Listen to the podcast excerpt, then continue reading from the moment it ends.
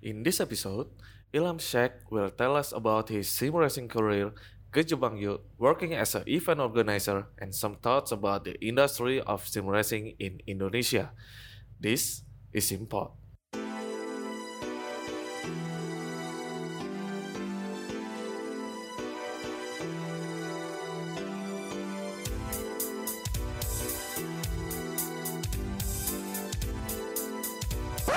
Hey, stop.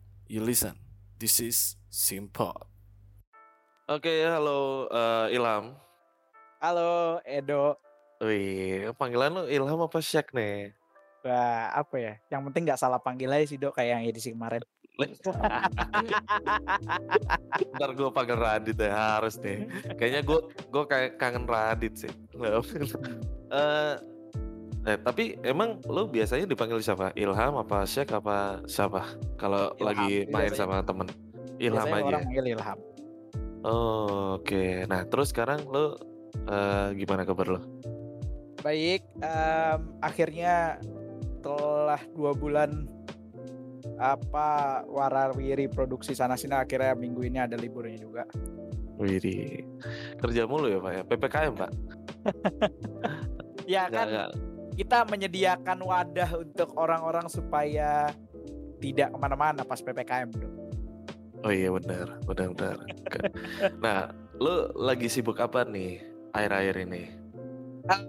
Belakangan sambil balap juga, kemudian juga sambil konten di YouTube juga. Kebetulan juga dari awal tahun memang udah em, bareng sama beberapa teman di em, GTC ID, kemudian juga sama teman-teman di BDR. Emang eh, kita beberapa kali bikin event tahun ini. Mungkin kalau teman-teman ada yang pernah dengar namanya IDS atau BDR ataupun juga eh, kemarin TGR GT Cup Indonesia itu ada ada kita kita lah di balik layar gitu. Oh Toyota GT Cup itu lu yang bikin, maksudnya GT Sim yang bikin? Em, di balik layar yang ngoperasin eh, ada teman-teman GT Simnya, cuman memang itu semacam apa ya? Eh, inilah banyak pihak yang terkait lah akhir sampai akhirnya kan biasanya kita cuman bisa Hmm. gini doang ya sama, sama Malaysia sama Filipina Hmm, ada hmm, apa GT Cup di mereka terus akhirnya di kita tuh ada dari dari IMI ada dari GTC ada dari tim Mm-mm. productionnya Sprint Rupamaya gitu banyak lah Tapi emang kalau gue lihat sih, kayaknya In- Indo telat banget ya masuknya ya. Maksud gue kayak kalau nggak salah dua tahun lalu udah ada di Singapura, Malaysia gitu ya. iya kita doang yang waktu itu nggak ada yang sampai eh, pokoknya ya nggak ada kayak misalnya kayak Singapura gitu punya si Alif terus atau punya Filipina tuh ada si aduh gue lupa tuh yang pembalap Tasbi Melor bukan? tuh, ya terus Tasbi ya? Eh, itu Singapura Filipina Oh, iya. itu Filipina tuh Luis Moreno ada atau Moreno, siapa gitu iya. gue lupa pokoknya ya GT-nya lumayan inilah apa dari dari tiap apa mereka dari national regionnya ada terus terus ternyata kok Indo nggak ada ada akhirnya tahun Hmm. ini bisa ada Hmm. Terus gini deh, kan lu sebagai IO nih, maksudnya ya Hmm. bisa dibilang sebagai IO gitu ya kan. Dan eh, apa sih funnya untuk kerja di IO itu? Maksudnya untuk IO kayak gini-gini ya, untuk sim racing event gini. Funnya Apa itu ya? menurut lu apa?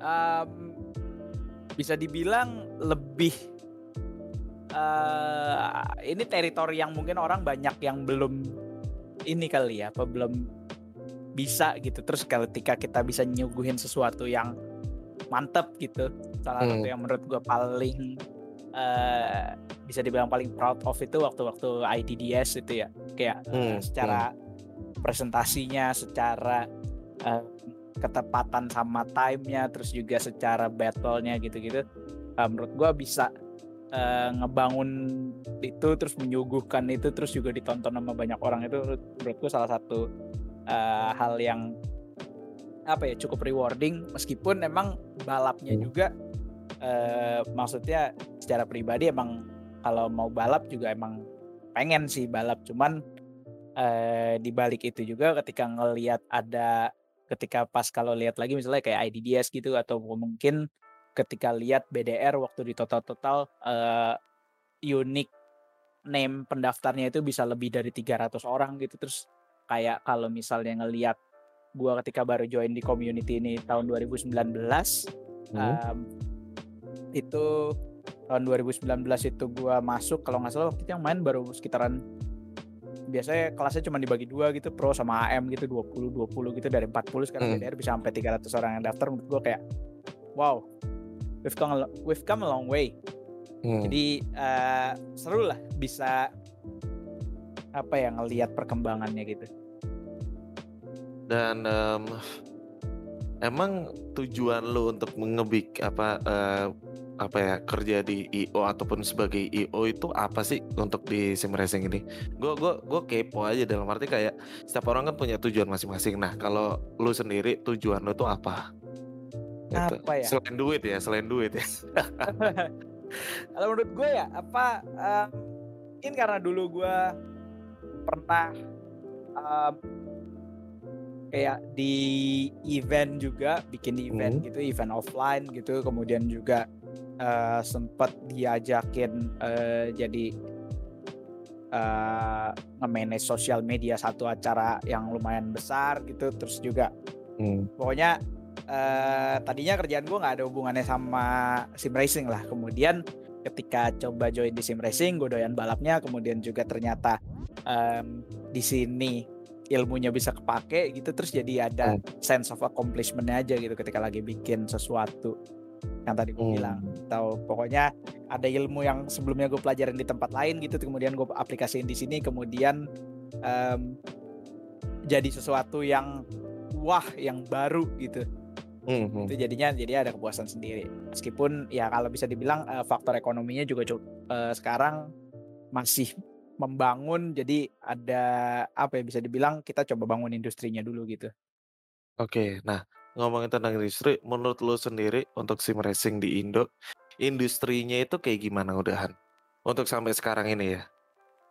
Uh, bisa dibilang ya kak, kalau menurut gua uh, dari segi produsennya, misal dari simulator rignya udah mulai beberapa uh, yang compete secara sehat satu sama lain gitu, masing-masing udah punya pasarnya sendiri. Uh, kita tahu ada GT Sim, kemudian juga ada HME, kemudian juga hmm. ada uh, Race Lab, kemudian juga ada uh, eh, IRS, terus juga ada One Simulator, terus juga banyak lah. Hmm. Jadinya secara ekosistem tuh udah mulai uh, kebentuk ya. Kemudian juga dari segi pembalapnya juga kalau dulu tim mungkin masih bisa dihitung jari yang tahun 2019 IDMC pertama itu paling nggak masalah Vortex sama GT Sim uh, kemudian apa lagi waktu itu timnya kayaknya belum ada lagi deh terus hmm. sekarang kita bisa lihat tim ada misalnya ada Gayatri ada Javasim ada uh, Scenario 7 ada JMX um, kemudian banyak lah hmm.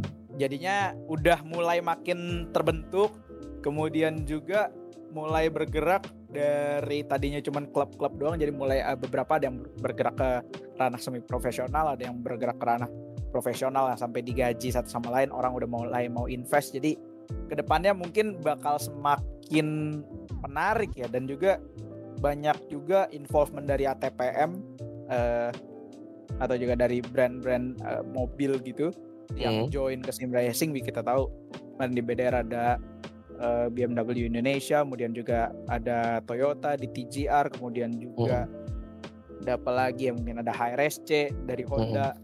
Jadi kan banyak nih yang udah mulai involve nih. Nanti ke depannya juga mungkin ada involvement lain, bukan bukan juga dari mobil doang, mungkin ada dari brand lain gitu yang masih berkaitan dengan mobil yang nanti hmm. uh, mungkin uh, by the time ini tayang mungkin udah keluar kali ya infonya karena kemarin udah sempat spoiler dikit-dikit iya, iya.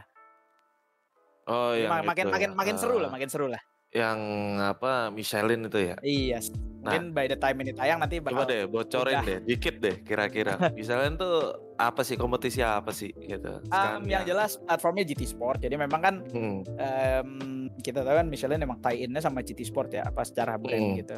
Kemudian ya hmm. ya nanti akan ada kompetisinya di Indonesia. Terus nanti cuman detailnya gimana um, bagaimana bagaimananya nanti uh, akan diumumkan uh, secara detailnya dari Michelin Hmm. dan emang uh, di balik layarnya ya sebenarnya yang kerjain kita kita lagi jadi memang mungkin nanti lu nggak akan lihat nama uh, nama-nama pembalap kencang kayak Raditya Indra gitu atau Laira Baskara gitu atau Bagus Farhan gitu Eh, tapi Rama Uh, ikut. Andika Rama gitu ya, Oh Rama ikut.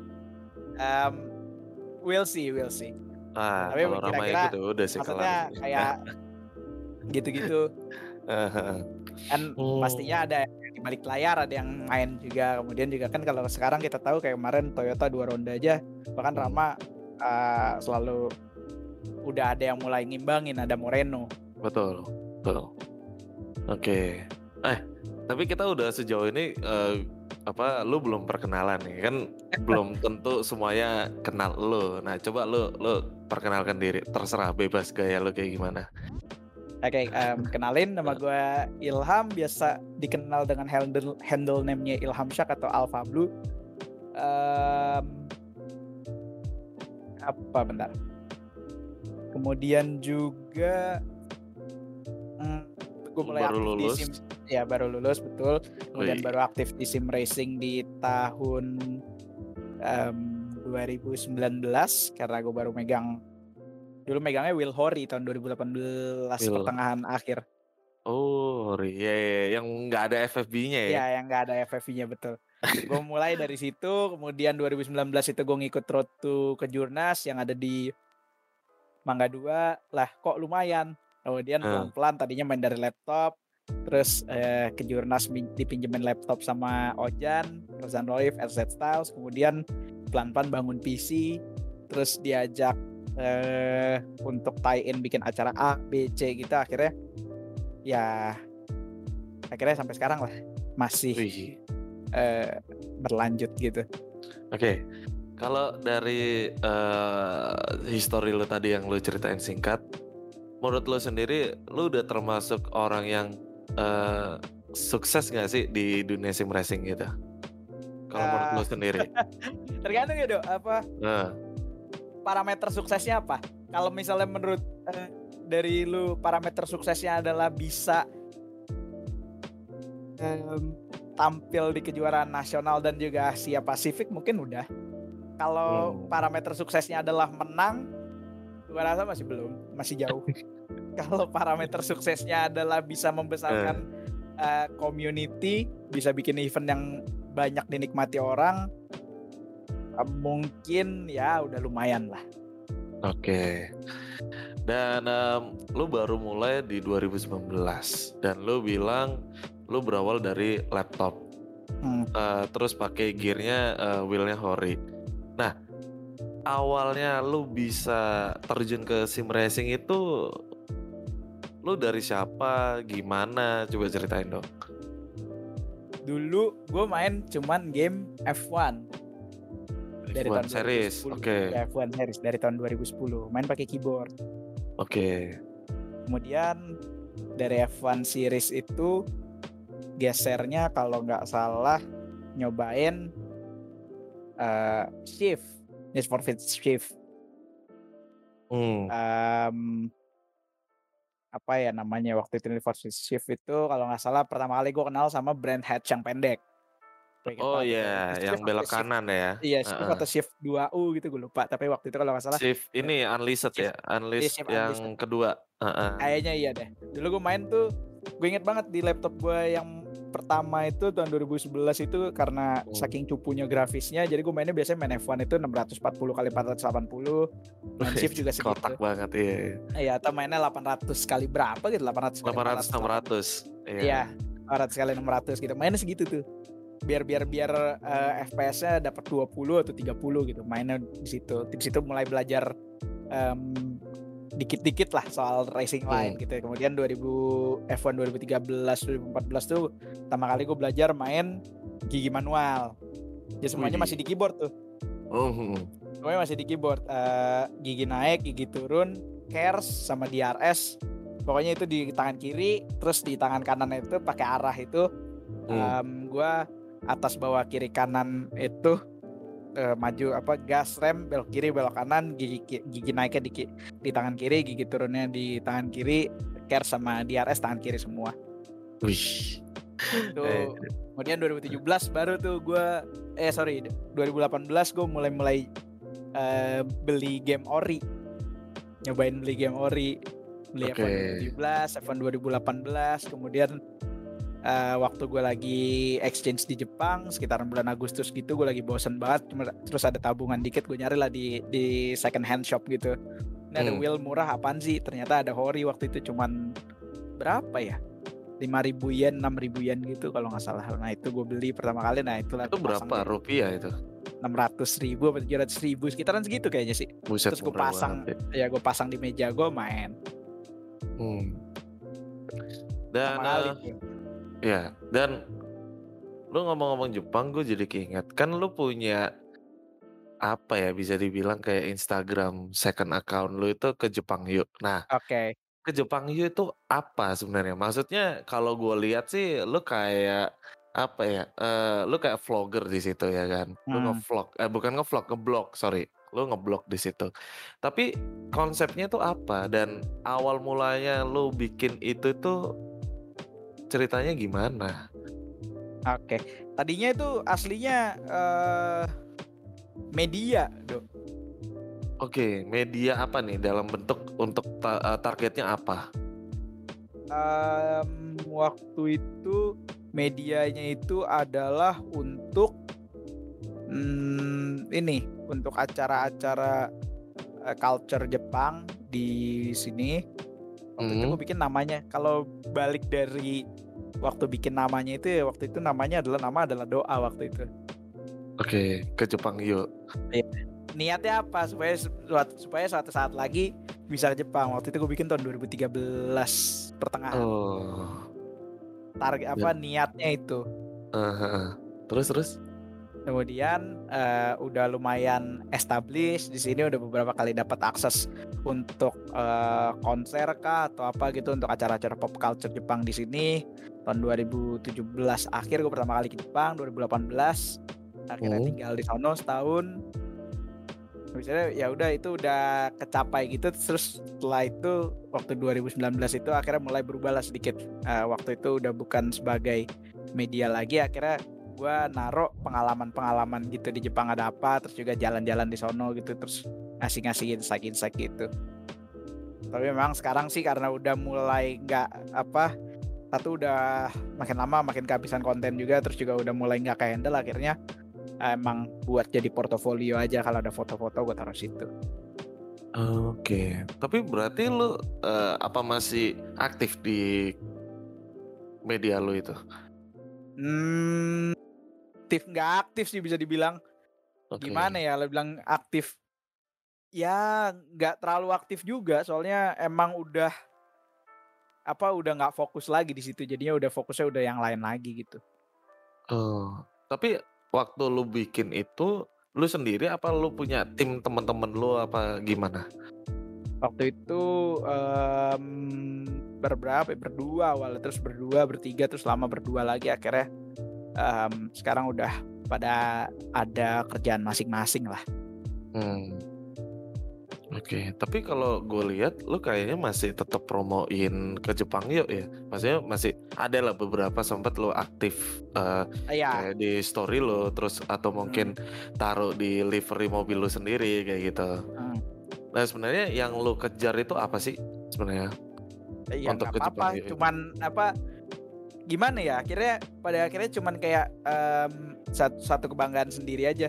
Hmm. Kalau misalnya eh itu sesuatu yang pernah gue bikin, sesuatu yang apa gue pupuk dari awal gitu, dari tahun 2013 gitu. Dulu ada websitenya, eh, terus pernah apa pernah ngeliput acara A, B, C, D gitu. Kemudian juga pada akhirnya eh, tujuannya tercapai gitu udah sampai Jepang terus Hmm. dari tadinya akhirnya cuma ngambil-ngambil foto stock shot dari mana gitu terus akhirnya sekarang yang diupload bisa jadi foto sendiri Oke. gitu Dan lu waktu exchange student ke Jepang itu berapa lama? Eh, setahun Setahun. Oke. Yang lu lakuin apa sebenarnya waktu di Jepang itu waktu jadi exchange student itu?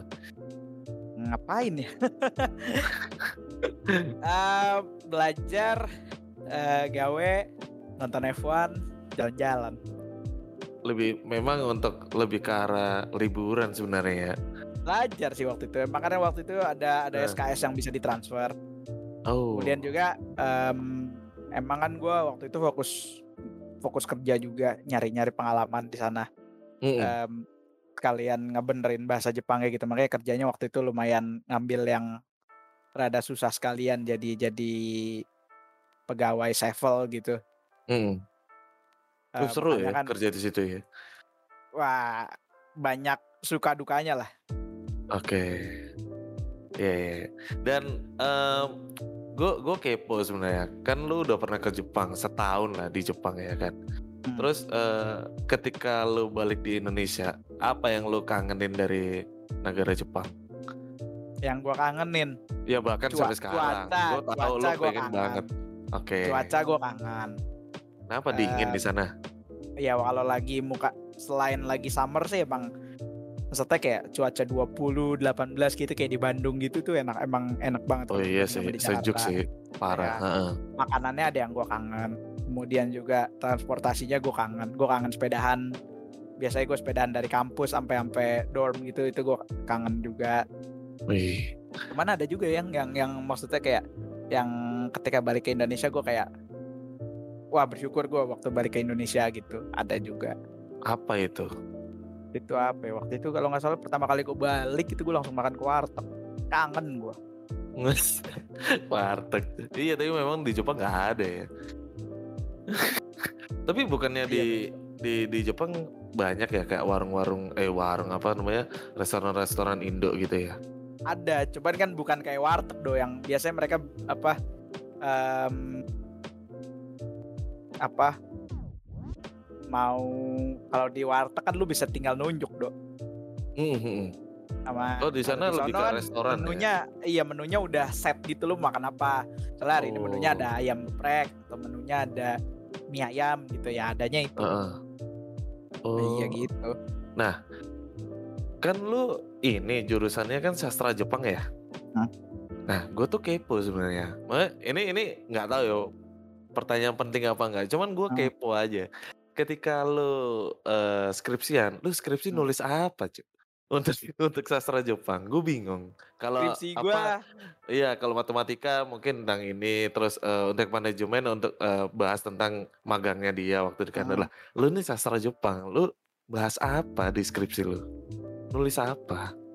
kalau gue ya waktu skripsi ya karena kebetulan peminatan gue Eh, em, apa minatan gue waktu itu pariwisata gue nulis itu pariwisata promosi pariwisata Jepang berbasis anime oh, gimana tuh, gimana? Oh, gue gue gue jadi kepo nih. Siapa tahu gue jadi wibu juga nih.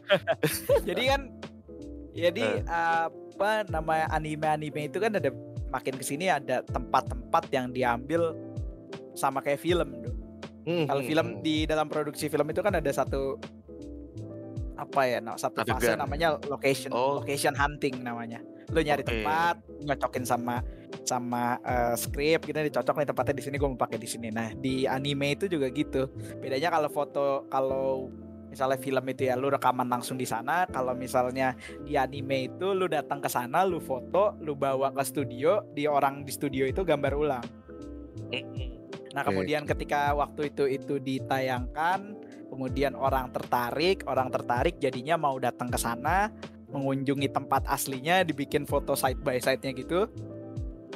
Nah Hmm. itu yang merupakan salah satu bentuk promosi wisata baru dari Iya sih, dari betul-betul. Jepang waktu itu. Nah itu yang gue bahas waktu skripsian gue.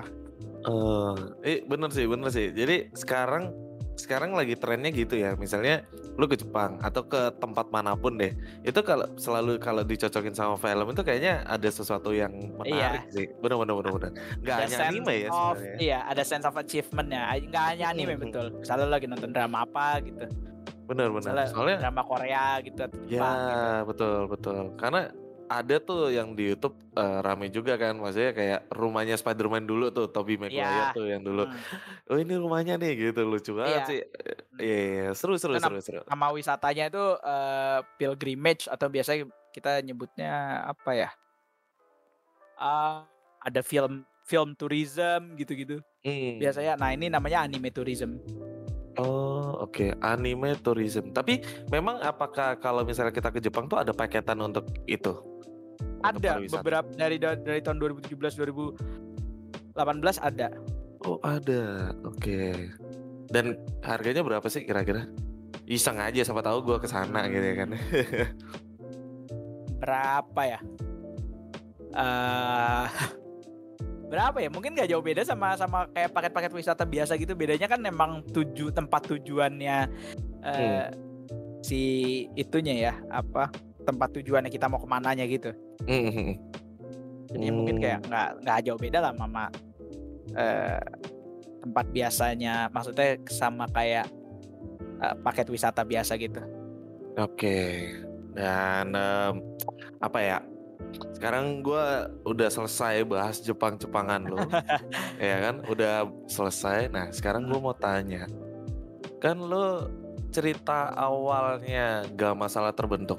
Setahu Hmm. gua, ini nggak tahu ya. Ini lo butuh confirm lagi. Em, setahu gua, lo adalah salah satu founder dari Gak Masalah. Bener apa enggak? Dibilang founder bingung juga sih ya karena dulu waktu itu eh, yang bikin Faiz sama TB. TB Oke. itu kemudian Faiz itu dari gam, sebelum gak masalah itu kan namanya ban bekas racing ya Mm-mm. waktu acaranya SRI terus gue bilang sama apa gue bilang sama, sama Faiz is gue boleh join tim gak ya udah ayo Oh, oke. join lah waktu itu namanya ban bekas racing Nah, kemudian apa memasuki IDMC tahun 2019 itu diseriusin lah namanya jadi gak masalah. Waktu itu membernya gua eh kalau nggak salah tuh Sidit A-nya TB sama Faiz, Faiz Sidit ya. B-nya gua, Kenzi sama Nando. Lima tuh Iya. waktu itu. Non sidit si Rozan bukan ya? Eh Rozan belum, Belum, join. ya? belum. Belum join ya. Ro- Ro- kan di Sidit B sama gua. Oh, oh iya, cuman dia belum masuk gak masalah ya. Belum, belum. Waktu itu Oke, sama desainernya, desainernya Baliwa. Oke.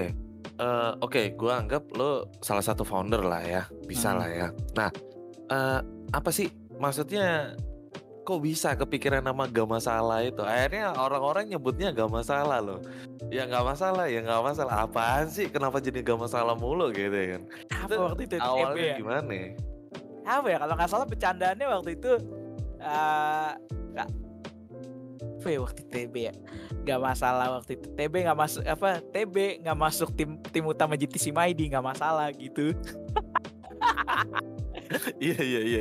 Oh oh jadi TB ini dalam tanda kutip terbuang akhirnya dia balas dendam dengan bikin tim baru gitu. Kasarannya gitu. Oh, kayaknya gitu sih Oke oke. Eh, Oke, jadi berawal dari ban bekas racing, akhirnya terciptalah di Gak Masalah pada waktu IDMC 2019. Nah, Gak Masalah sendiri itu tim yang kayak gimana sih?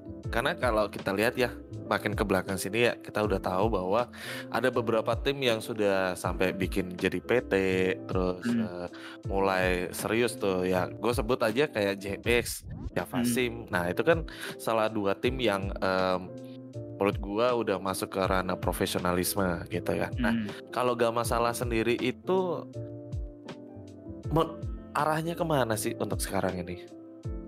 Eh, kalau dari dulu ya kita kan emang gak masalah itu aduh gue lupa di belakang baju tuh ada tulisannya kalau nggak salah Hmm, Eh, racing can be fun atau apa gitu kalau nggak salah gue lupa. Oke. Itu slogan iklan sih, iklan mantep malam-malam. Iya. Heeh. Iya, Terus tapi beda. Seingat gua ada ada di ada di baju di jersey di bajunya gak masalah gitu di belakang tuh atau everyone everyone can race itu punya punya punya Everyone punya Can Race mah punya ya punya itu itu. sebelah. iya punya ya pokoknya sebelah. jauh-jauh dari itu lah. Pokoknya eh, semua orang boleh balap gitu waktu itu. Mm-mm, mm-mm. Iya. Itu waktu Jadi? itu em, emang niatnya itu adalah kita mau rekrut siapa aja yang mau balap jadi nggak mau apa kayak nggak harus kencang nggak harus apa tapi emang yang mau balap aja yang mau happy happy bareng bareng ya Hmm, boleh join Oke oke oke. cuman emang waktu awal bikin Hmm. kebetulan emang eh, yang masuk emang kenceng-kenceng. Iya, ya, Waktu kayak Kenzi, eh, ya, lo, Kenzi juara aja. Mm-mm. Ya gua gua paling cereh lah waktu itu. Waktu Enggak itu lah, lo ada- podium, lo posisi 4 kan? Ah, Iya posisi 4 cuman waktu Iya, itu lumayan. TB itu TB itu lulusan JT Academy 15 sama 16, Faiz lulusan Faiz JT juga. Academy 16 sampai ke Silverstone. Kenzi Mm-mm. juara. Mm-mm. Jadi waktu itu emang emang pada kebetulan emang kenceng-kenceng waktu itu. Mm-mm. Terus eh, nggak lama setelah itu masuk itu Alien 1 tuh Moreno. Iya, Terus masuk lagi itu apa eh, Junior Moreno si Jaki. Dan waktu itu iya. ada ada Nio juga sempet. Iya, betul. Aji ya, Aji ya. Ya. Aji. Terus Ro, nah. Rozan ini Nah, gimana caranya bisa masuk?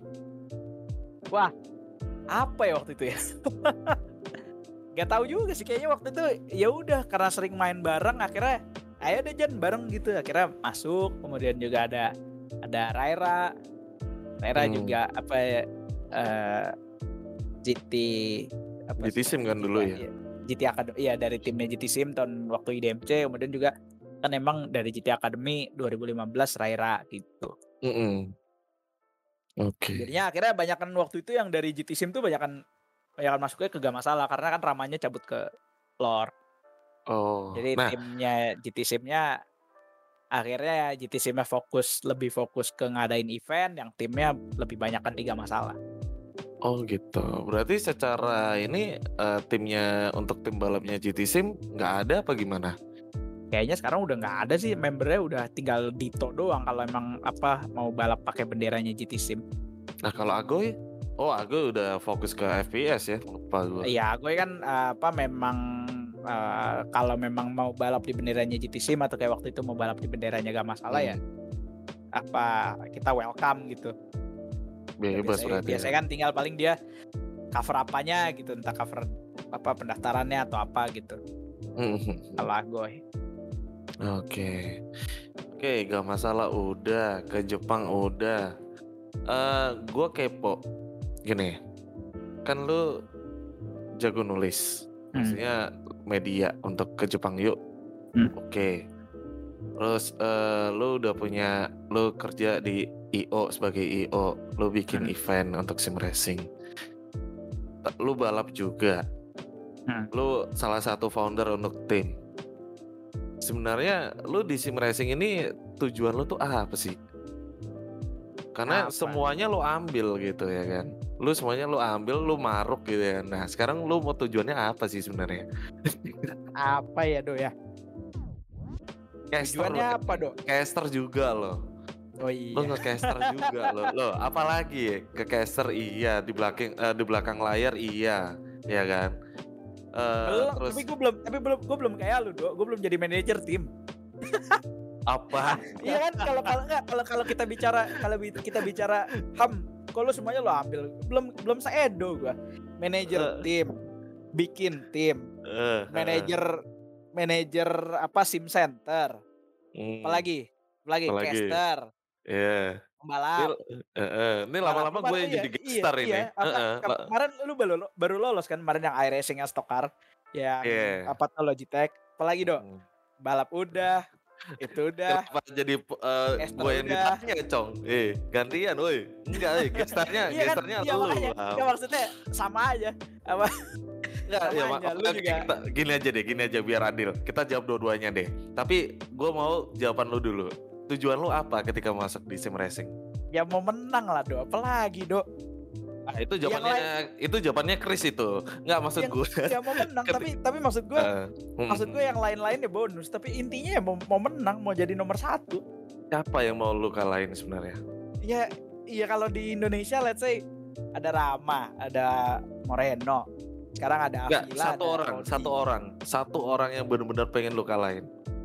ya kalau satu orang mau ngalahin Rama lah mau ngalahin siapa lagi Emang ramai ya. itu kayaknya musuh bebuyutan buat orang-orang semua ya. Seindo mau ya. ngalahin siapa lagi emang yang dari pertama kan emang Emang ramai ya. Rama paling Bosen gue. kalau main GT udah bukan ngalahin Rama lagi sih sebenarnya sekarang GT Iya, ngalahin Moreno kalau GT. Cuman kan kalau mau ngalahin yang all rounder gitu kan paling ngalahin Rama. Paling Mm-mm. sekarang nyimbangin Odi, Avila, Dava. Mm-mm.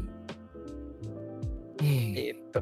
Mau, mau kalau ditanya motivasi utamanya apa di sim racingnya mau menang lah. Yang Berarti- lainnya mau bonus, Dok. Oke, berarti sebenarnya lu oke, s- lu sebagai IO, lalu sebagai caster, sebagai ini, yang lu paling eh, sebagai sim racer juga, Hmm. lu memang eh, paling demen sebenarnya sebagai apa? Ya secara kalau misalnya secara apa feel ya paling demen is pengen balap. Cuman Oke. kan yang namanya satu industri kan nggak bisa semuanya jadi pemenang, Dok. Hmm. Kan maksudnya gua nggak bisa maksud gua di dalam satu industri itu ya yang menang cuma satu, cuman kan ada posisi lain yang harus diisi juga. Hmm, setuju. setuju. Secara realistis eh, ketika gua mau menang kan gue perlu modal. Iya, oke.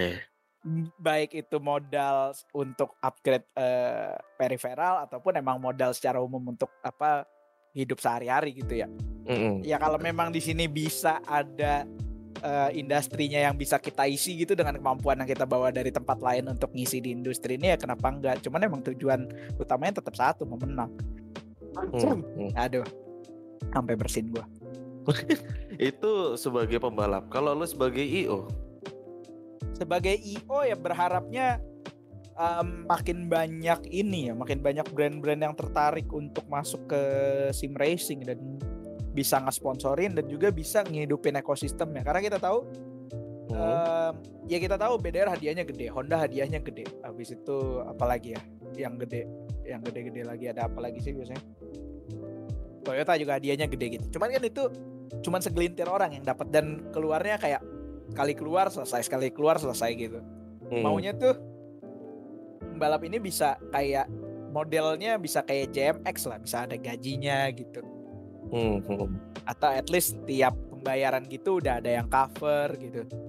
Itu Oke. ya goal goalnya ke situ. Jadi lu nggak perlu kayak scrapping apa mau daftar aja. Kadang-kadang ada pembalap ada yang kayak mau daftar aduh gue lagi nggak duit nih gitu. Kan ada tuh. Hmm, ada hmm, kadang ada ada ada liga yang cukup mahal gitu. Misalnya aduh gue belum beli, belum beli DLC-nya nih hmm. kan kalau misalnya tiba-tiba ditembak di depan lu DLC sejuta gitu kan lumayan Waduh. berat juga dong meninggal, Pak. Susah. Iya makanya kan maksudnya kalau misalnya itu udah ada tim yang mengcover gitu kan eh, lebih baik aja. Maksudnya let's be real aja. Tiba-tiba lu Iya. ditembak untuk beli DLC sejuta di depan atau misalnya kayak gue nih apa ditembak untuk beli F1 2020 2021 gitu 700 ribu di depan gue. Gue sampai sekarang belum beli.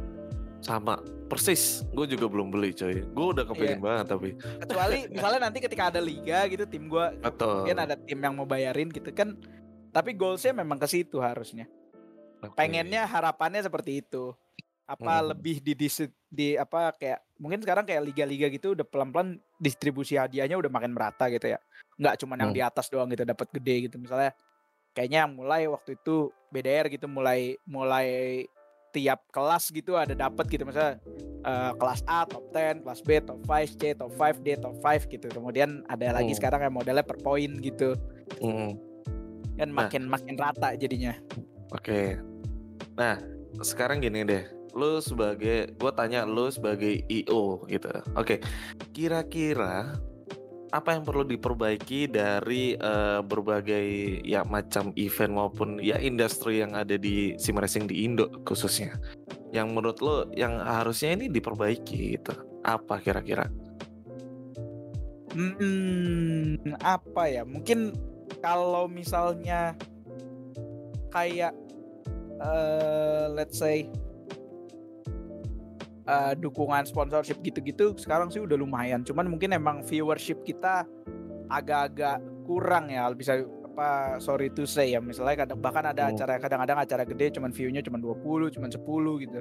Hmm. Terus eh, bahkan BDR yang mungkin jadi pionir aja sekarang memang cuman stabil di angka 100, 120 Hmm. baru eh, mungkin IDDS mungkin yang bisa eh, selalu kayak eh 300, 400, 500 yang maksudnya bersaing lah pasarnya sama Iya. pasarnya Asia gitu.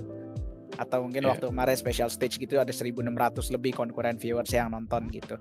Nah, Hmm. maksud gua pengennya adalah em, ada nih ada maksudnya ada involvement dari bukan dari komunitas sim racing aja tapi mungkin ada dari uh, tempat lain gitu mungkin either dari e-sports gitu atau dari apa yang lain gitu. Jadi ketika mereka melihat ini sebagai industri yang mungkin oke okay, mungkin gue bisa cari uh, bisa making money di sini. Terus dia akhirnya mau involve dia bawa masa gitu. Jadinya kita viewers kita juga naik. Harapannya ke situ. Kita ada, harus ada yang mulai berani uh, breakthrough untuk ngegandeng tim e-sport besar di Indo. Misalnya kayak revival misalnya kayak uh, hierarchy, EVOS gitu, gitu, gitu ya. Iya, misalnya nanti tie-in misal let's say tie-in sama sama gak masalah gitu. Ya udah, gua hmm. gua balap uh, bawa nama revival gitu atau bawa nama uh, eh, RRQ gitu. Balap oh. tapi jadi gak masalah gitu. Kan berprestasi okay. ya, selalu di depan gitu. Iya. Yeah. RRQ baru masuk tiba-tiba pembalapnya di depan. Kan pasti kalau hmm. RRQ udah masuk yang lain pasti mau ngikut juga. Entah EVOS entah apa gitu. Itu goalsnya kita pengennya ke situ. Oke, berarti memang yang lo maksud adalah media. Iya betul, dukungan dari media ya. Iya, tapi juga bisa dibilang apa ya? Um, kalau misalnya media doang mungkin nggak orang ya udah tahu gitu, cuman nggak menyasar sampai uh, eh, gue mau nonton nih live-nya gitu. Hmm. Itu yang masih jadi apa ya? Kayak hmm, permasalahan yang belum ketemu lah solusinya mungkin. Oke, okay. kalau menurut lo sendiri, kan lo bilang nih bahwa kayak uh, liga liga lo sendiri BDR hmm. uh, itu kayak paling mentok berapa 100 sekian lah ya 100 iya sekian. karena yang pertama kali memang bisa 300-an gitu yang kedua oh. mungkin habis itu 100 100 turun 100, 100, yes iya. Nah konsistennya adalah di angka 60 sampai 100 nah hmm. sedangkan IDDS itu 300 sampai 400 kira-kira yang kok bisa ada perbedaan atau gap yang cukup jauh itu menurut lo sendiri apa yang membuat itu? Yang membuat uh, oh ini bisa rame ini kok segini? Itu apa ya kira-kira karena cara basis beda dong Ba okay. nonton balapan sama nonton drifting tuh beda. Nonton drifting lu datang langsung nonton itu tetap wah seru nih. Balapan hmm. lu nonton di tengah-tengah ceritanya apa sampai titik itu. Oke. Okay. Kalau drifting ya memang drifting ya memang entertainment dan memang apa di Indonesia mungkin orang-orang lebih familiar sama drifting sama balap dibanding balapan di Sentul kali. Ya, ya. Berarti kalau menurut lu yang kurang banget itu di apanya? Kita kurang punya apa ya bisa dibilang kurang punya hero gitu kurang punya seorang yang uh, diagungkan apa gimana ya kalau kayak oke okay, iya ya gue paham ya gitulah oke okay. kalau lu ngomong gitu apakah dengan adanya gua, ya gue sebut aja ini yang sudah masuk ke ranah sim racing mm -hmm. menurut lo sendiri tuh biasa saja uh, ngebantu nggak sih ya. dengan adanya mereka datang terus uh, akhirnya masuk ke ranah anggap aja ini ranah kita sebenarnya ya kan hmm. sim racing gitu itu ngebantu nggak sih dan menurut lo bantuan uh, coba jelasin bantuannya itu dalam bentuk apa jujur gue ada ada beberapa orang juga anak-anak uh, sim racer ya termasuk hmm. gue itu juga kadang bingung gitu. Maksudnya oke okay, ini uh, kita bagian dari IMI dan kita dibedakan ke IMI Digital Motorsport tapi apa gitu? Kalau menurut lo sendiri gimana? Uh, menurut gua lumayan ya apa bisa dibilang hmm. uh, dengan adanya regulator lu ngasih ini ngasih namanya ngasih assurance kepada sponsor kalau ini tuh res, event resmi gitu loh sudah okay. diakui oleh lembaga negara itu satu dan buktinya hmm. mungkin uh, di balik layar ada kenapa ketika di eventnya TGR itu ada logo ini ya karena memang yang waktu itu uh, ya berarti di situ kan ada ada ada ada inilah ada ada turut campur tangannya IMI untuk bisa hmm. mendorong ATPM ini untuk ini di luar udah ada event digital brand lu loh kok yeah. lu di Indonesia nggak mau sih mungkin it, in that sense uh, dari IMI itu ada ada ada andilnya juga kemudian juga yeah, beberapa ada juga betul. betul kemudian juga ada beberapa tie in dengan pembalap-pembalap pro gitu yang mau terjun ke sim racing juga kan jadinya mungkin memang sebelumnya kenalannya ada di IMI gitu. Cuman memang Hmm. kan em, kita tahu eh, udah dua tahun ini eh, penyelenggaraan kompetisi yang justru berlabel kejurnas kan belum apa ya, belum apa ya memuaskan kita lah bisa dibilang Iya, begitu. iya, iya. Gue setuju. Baik secara regulasi, baik secara eh, delivery konten gitu, maksudnya secara yang keluar gitu. Ya kalau misalnya dibilang ada kontribusinya betul ada, cuman memang ada beberapa tempat yang kita harapkan bisa lebih. Iya. Hmm. Ya, ya. jujur gue juga eh, ya nggak apa-apa sih kita ada curcol dikit ya. Maksudnya gue Hmm. eh, lebih ke arah kayak eh, kejurnas adalah sebuah eh, benchmark sebenarnya untuk kita semua gitu untuk membuat Hmm. sebuah liga ataupun event gitu. Namun kita melihat bahwa bahkan benchmarknya sendiri yang seba- eh, sebenarnya kita bikin acuan malah lebih rendah gitu dari kita Hmm. kita yang buat bahkan sekelas kita bikin fundraise ataupun ya Javasim dia punya weekly fundraise itu bahkan lebih baik gitu menurut gua gitu cuman ya ya mungkin kalau misalnya ada eh, orang-orang IMI maupun siapa pun itu deh yang lagi dengerin podcast ini ya ya kita harap gitu maksud gua Hmm. ya eh, bisa lah memperbaiki kayak gini karena Hmm. eh apa ya industri sim racing Indo benar kata Ilham bahwa ya kita udah mulai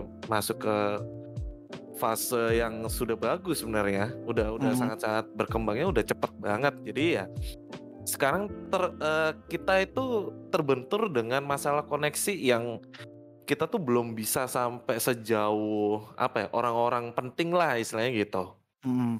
jujur aja kita kalau cuman ya kita butuh regulator, kita butuh bantuan IMI gitu. Kita kalau komunitas doang ya akan stuck di situ-situ aja. Hmm. Bener. Tapi ya kita berharap juga IMI dengan datang ke kita sebagai eh, regulator juga turut benar-benar membantu kita untuk bisa ya kita bareng-bareng lah Betul. ngerjain industri sim racing ini gitu. Betul. Jangan sampai eh, ada gap atau ya ya kita tahu lah ada beberapa kali eh, ada crash gitu ya kan maksudnya eh, perbedaan pendapat ataupun eh, perbedaan apalah opini atau apa itu ya itu yang membuat crash gitu cuman gua harap ada sosialisasi ke depannya gitu dan Hmm. ya gue setuju sama lo bahwa sebenarnya sim racing Indo itu oke banget Tam. itu sih Hmm. sebenarnya sayang banget kalau misalnya bahkan jadi pembalap-pembalap asli pun kan ikutan gitu loh Iya, itu iya. Eh, mm-mm.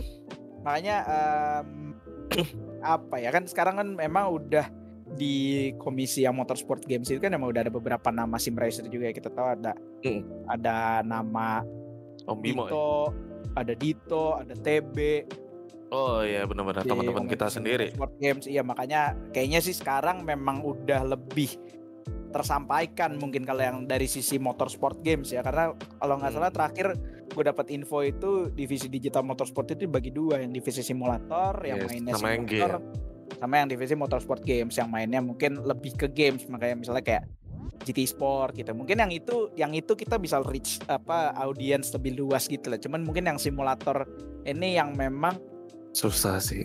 yang apa ya kita harus lihat juga dong apa eh, orang nih di di di Asia atau di dunia ini mainnya apa sih yang di simulator ini misalnya Betul. apa kan memang kalau yang bisa dibilang kita bisa bisa bilang simulator kan mungkin ada ACC, ada iRacing, ada eh, IRF2 ya, mungkin tiga itu Mm-mm. ya. Mm-mm. Ya udah tiga itu misalnya tiga itu ya tinggal harusnya bisa tinggal diturunin lagi aja misalnya kita bikin kompetisi yang RF2 base ya ini untuk eh, nanti goalsnya untuk eh, event-event RF2 di Asia atau di dunia gitu jadinya latihannya ya Hmm. udah mereka fokus di RF2 kemudian ada ACC kita tahu ya ACC eventnya banyak banget Logitech Hmm. pakai ACC kemudian juga eh, Lamborghini SRO. Asia SRO ACC Lambo Asia ACC Mm-mm. Banyak sebenarnya. Iya makanya ACC semua kan biasanya iRacing mungkin em, guanya yang nggak tahu tapi kayaknya event iRacing tuh emang banyak kan Mm-mm. Ya makanya Oke. mungkin eh, kalau misalnya bisa lebih menjangkau gitu misalnya main ACC nih Hmm. apa bukan misalnya kejurnasnya bukan bukan main RF2 aja misalnya ada kejurnas memang kejurnas misalnya yang ini untuk eh, platform RF2 terus ada untuk platform ACC kemudian untuk ada platform gitu ya Hmm. mungkin gue yakin deh kalau misalnya kejurnasnya platformnya ACC pasti rame lebih rame lagi mungkin Hmm. Ya atau istilahnya mungkin apa ya bukan nggak harus itu sih cuman memang eh, ada lah memang hal-hal yang perlu perlu di- Iya, dirapihin lah atau mungkin dibuat kayak Logitech gitu ya. Maksudnya di multi ya platform gitu ya bisa kan. Iya. nanti finalnya iya. multi platform aja gitu kayak Logitech Iya, kan betul. apa lima champions dari lima platform yang beda habis itu sama mereka diputer gitu ada yang main game handphone ada yang main F1 ada yang main Betul. Itu yang apa di gitu, tahun Project 2019 ya. iya yang waktu si Rama sama Igor Jalu Fraga. Iya, iya Rama sama Jalu ke ke Singapura. ya ke Singapura betul Nah, nah eh, menurut lu sendiri, regulator tuh harusnya ngapain dengan adanya industri kita sekarang? ngasih channel dok Ngasih channel ya. Iya, Itu karena ya penting ya. regulator-regulator itu kan emang orang-orang penting gitu ya. Kalau bisa sih ngasih Betul. channel, ngasih Iya, iya. apa, biarin apa teman-teman di komunitas atau mungkin eh, penggerak-penggerak kayak gitu yang coba bergerak, tapi regulatornya eh, memudahkan lah kalau bisa sih. Hmm. Iya, maksudnya kalau mau menuai ya nanti aja nuainya gitu, jangan sekarang. Kalau bisa dimudahkan, kalau bisa apa-apa tuh di, apa digampangin, jangan jangan dibuat sulit gitu. Iya. Kan Cari duitnya ntar dulu gitu ya kan. Iya, apa, apa maksudnya nanti nanti akan akan balik. Kalau misalnya ini besar nanti akan balik juga. Jadinya nggak perlu Hmm. takut gitu. Benar benar benar benar. Gue gue setuju sih. Maksud gue kayak fokus untuk cari cuannya mungkin ntar dulu deh. Ya Karena- mungkin nggak nggak nggak cuman cari cuan doang. Maksudnya memang Iya. eh, mungkin eh, dari merekanya emang agak rigid. Cuman kan kali ini karena basisnya dari komunitas gitu. Betul. Ya mungkin nggak perlu serigid balapan beneran lah. Hmm. Jadinya betul, betul. em, apa ya harus kan bisa ini kan harus iya, bisa ini kan beradaptasi lah ya. betul ini kan form motorsport baru gitu. Jadinya harusnya Yes. eh, dari dua sisi eh, mau saling beradaptasi mungkin dari sisi regulatornya lebih bisa fleksibel dari sisi komunitasnya juga harus paham bahwa memang untuk ini menjadi sesuatu yang resmi dan besar memang kita perlu sebuah regulator. Ya, supaya nggak ke mana-mana nanti balapannya. Nggak cuma jadi balapan main-main komunitas doang. Bahkan kan e-sports yang lain juga ada ada IESPA juga kan. Hmm. Benar benar benar benar. hmm. Apalagi ya, gua tuh eh eh, sebenarnya kepo banyak sama lo karena apa tuh karena kan lu udah apa ya istilahnya bisa dibilang lu lebih banyak involve ke tempat-tempat lain daripada gua gitu untuk masalah IO ya. Hmm. Dan eh, awal pertama lu ngecaster itu kapan? Gue dikasih kesempatan sama Mike Denaldi waktu itu Oh, yang di F1. Oh, IFL ya. betul. Oke. IFL Nah, Tier 3 season 1 oke, lu IFL dan lu happy nggak sih jadi caster dan kira-kira coba mungkin lu bisa kasih ya semacam tips lah ya, tips and trick ketika lu ngecaster ya how to be a good caster aja gitu. Eh, apa ya kalau panutan gue sih sebenarnya Om Ricky. Om Ricky itu selalu bisa ngangkat sesuatu yang dari tadinya nggak ada apa-apa gitu tahu-tahu ada keluar aja gitu. Jadi itu salah satu panutan gue apa Om Ricky. Terus juga juga Om Ricky juga pinter untuk nempatin apa ya mungkin karena pengalaman kali ya. Om Ricky itu Iya, selalu pasti. kayak apa eh, ya udah tahu acaranya begini yang harus dikeluarin ya jokesnya sebatas ini gitu. Hmm, gitu. Jadinya kalau misalnya tips and trick mungkin nggak tahu ya, mungkin gue belum ada di posisi untuk bisa ngasih tips and trick kali, tapi paling apa ya, be authentic kali. hmm, Jadinya apa em, tetap ini apa ya tetap be real aja jadi apa emosinya nggak usah di fake fakein gitu. Oke. kalau balapannya seru ya pasti bakal seru kok kalau nggak seru ya coba aja dibikin bikin jadi seru. Kalau orang udah bisa ngobrol seru gitu mah pasti nanti jadi seru Oke, lebih enak. eh, ah, gini aja deh. gue akan bikin satu sesi khusus ya. Ini uh, gue gue menarik jadi ini rapid question dan lo nanti tinggal pilih salah satu. Oke. tapi ya, nggak boleh mikir. Eh, bentar, bentar. Nah, ini cuman ada sekitar lima doang. Oke. Jadi mulai, oke ya, udah siap ya? Oke. Oke, mulai dari sekarang balap atau IO, Balap duit pengalaman, pengalaman caster IO, caster. gak masalah lore, Gak masalah. youtuber atau caster. Ah, YouTuber. Oke, udah cukup. Kenapa lu, kenapa lu agak bingung waktu gak masalah atau lore? Ketahuan TB lu catat TB, lu catat TB, lu catat. Siapa yang nggak mau dapat kontrak profesional gitu, Dok? Mm, benar benar benar. Apa sih yang lu lihat dari lore itu? Apa ya menurut gue apa environmentnya asik, terus juga Hmm, hmm. eh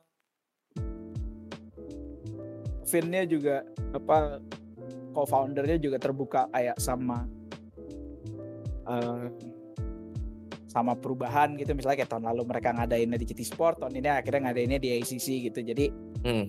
em, dia terbuka banget sama perubahan. Terus juga orang asik. Waktu itu sempat eh, balapan sediscord bareng gitu waktu balapannya E IRGP seru-seruan bareng. Dan apa timnya juga kelihatannya asik desainnya asik. Hmm.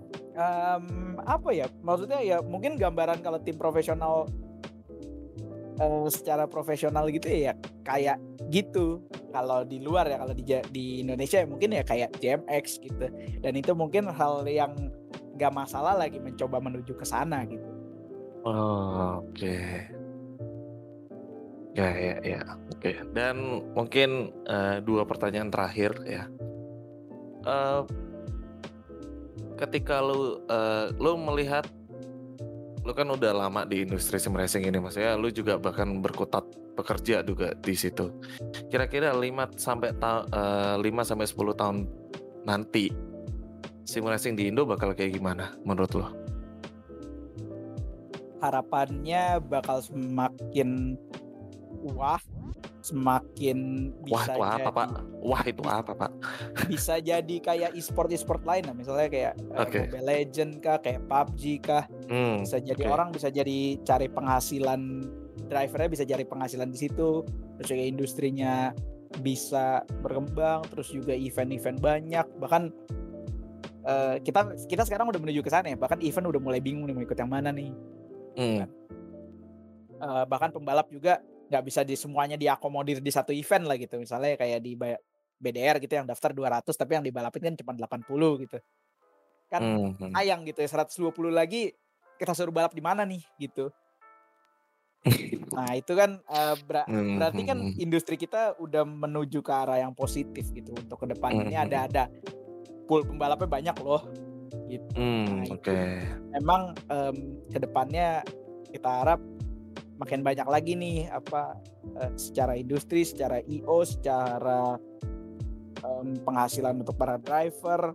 Jadinya orang-orang bisa ngeliat ini tuh sebagai satu industri yang hidup dan bahkan memang goalnya kalau goalsnya dari yang IMI simulator tuh ya memang nanti kalau ada dari sini yang bagus ya silahkan dimodalin untuk jadi pembalap beneran gitu.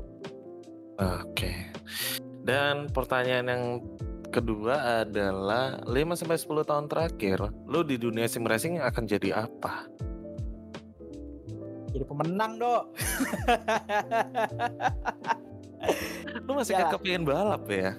ya ngapain lagi ya balap utama sisanya yang lain membuat warawiri aja Eh, Oke, ya udah. misalnya maksudnya kan sambil sambil balap sambil balap lu dapat sambil dapat teman baru gitu misalnya gua Hmm, sambil balap bisa sambil nangis nangis bareng gitu sama Om Rian sama Kong Bobby gitu Kenapa jadi nangis-nangis? sambil nangis nangis ngeliatin ngeliatin BTC dari 900 juta dari jadi 400 juta gitu Oke. sama, sama Kong Lali gitu Oh, ngeliatin Kong gue beli gue beli harga 90 sekarang harganya 20 aduh eh sedih nangis banget nangis itu. bareng-bareng gitu. Iya. Maksudnya apa? Mainnya mau balap, tapi di bawah itu kan yang ngikut banyak tah jadi caster. Sambil balap nih, sambil balap terus Hmm, kamu lo balap nggak di, di event ini? Enggak sih lagi nggak balap gua.